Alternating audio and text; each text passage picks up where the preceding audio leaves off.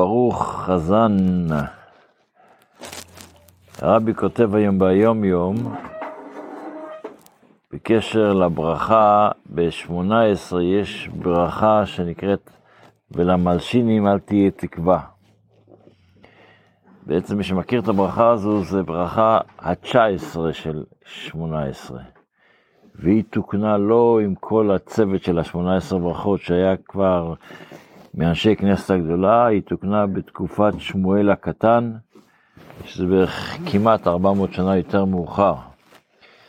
אז אומר הרבי, שבברכת ולמלשינים, בסוף הברכה אנחנו אומרים את מגר, ולמלשינים אל תתקווה, אז אנחנו אומרים תעקר ותשבר ותמגר ותכניע. אז הרבי אומר שבין תמגר לתכניע, צריך לעשות הפסק. למה? אשר תעקר את מגר, תעקר, תשבר, את מגר.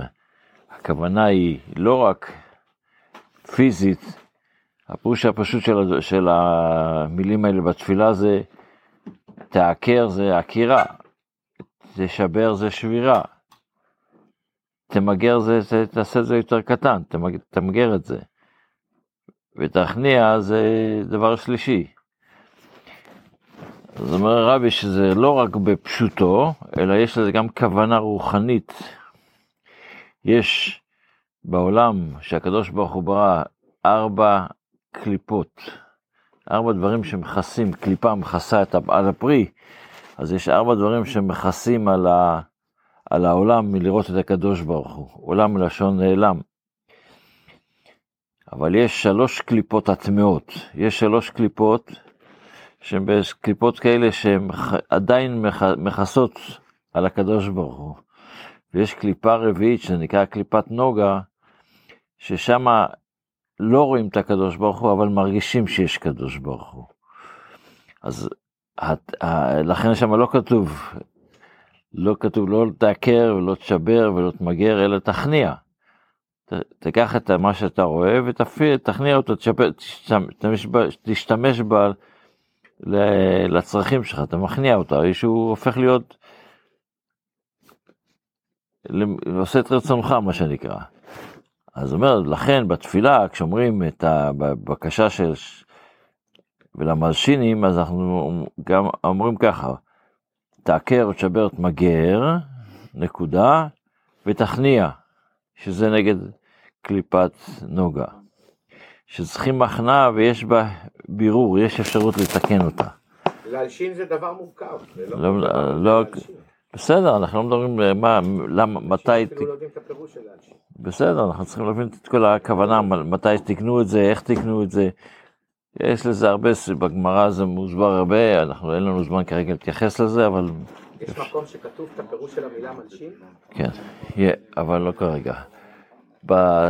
בהלכה, אנחנו גם כן מחזיק, מדברים עכשיו על התפילה, אז בהלכה כתוב שבן אדם המתפלל צריך, צריך שיכוון ליבו בפירוש המילות, לא רק להגיד את המילים, אלא שיבין מה שהוא אומר.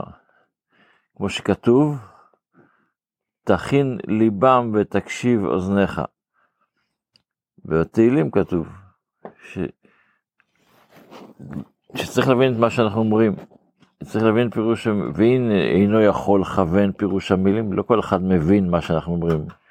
אנחנו קצת מתייחסים ללמוד את הפירוש המילים של התפילה ומגלים שזה לא בדיוק מה שאנחנו חושבים. אז אם יש לו, יש לו שני אפשרות, היום ברוך השם יש סידורים שמסדרים את הדבר הזה, כשקצת מסבירים את הפירוש של המילים. ואם אינו יכול לכוון פירוש המילים, לכל הפחות צריך שיחשוב בשעת התפילה בדברים המכניעים את הלב ומכוונים את ליבו לאביו שבשמיים. ואיך ההלכה אומרת שבן אדם שאומר את השלוש ברכ... הברכות הראשונות, וזה נקרא ברכות האבות, בתפילת העמידה, צריך לכוון את הפירוש של המילים, ואם הוא לא יכול, אז בזמנו היו חוזרים על התפילה. היום אה, לא חוזרים על התפילה, למה? כי גם בפעם השנייה הוא לא יכוון. זה לא שעניין שיעזור לו לכוון. אז לכן אנחנו, אבל בעיקרון צריך מפעם לפעם, אדמו"ר הזקן באמת בתניא אומר, פעם בחיים ככה, כל, כל יום תיקח איזה פסוק אחר, תכוון עליו, תנסה להבין את מה שאתה אומר, ורקטואקטיבית זה יעבוד על כל התפילות שאתה אומר בלי כוונה. אבל כוונה זה דבר מאוד חשוב. ולכן בזמן התפילה, כדי שיכוון, אחד הדברים זה, שרבי נותן איזה עצה, זה שיתפלל מתוך הסידור, אז הוא כבר לא מסתכל על דברים אחרים, אז הוא יכול להתרכז יותר בתפילה. אבל איך שאמרנו שזה טוב, אם אחד, למדנו לפני יום יומיים, שזה טוב אם יש לו את הסידור ביד מתי שהוא התחיל להתפלל, אבל אם פתאום מתפלל בעל פה ופתאום נזכר שרגע הוא לא יכול להתרכז וצריך לחפש סידור, אז יהיה לו בעיה, כי א', אם יש לו סידור לידו זה בסדר, אבל אם יש צריך ללכת לזוז סידור אז אנחנו לא זזים באמצע תפילת העמידה.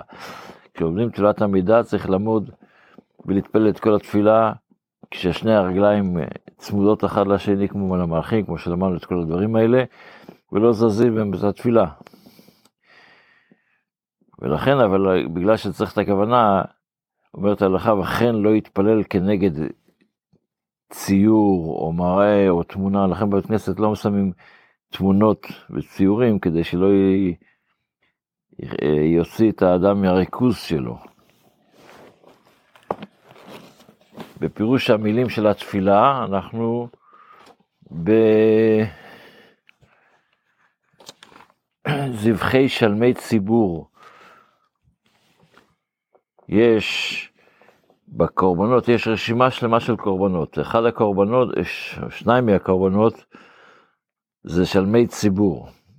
שלמי ציבור זה שני כבשים שהם מביאים עם הלחם הפנים בחג השבועות. והם נקראים קודש קודשים. אז זה דבר אחד. אנחנו הרי מדברים על איזה מקומן של זבחי, איפה אנחנו מקריבים את הקורבנות.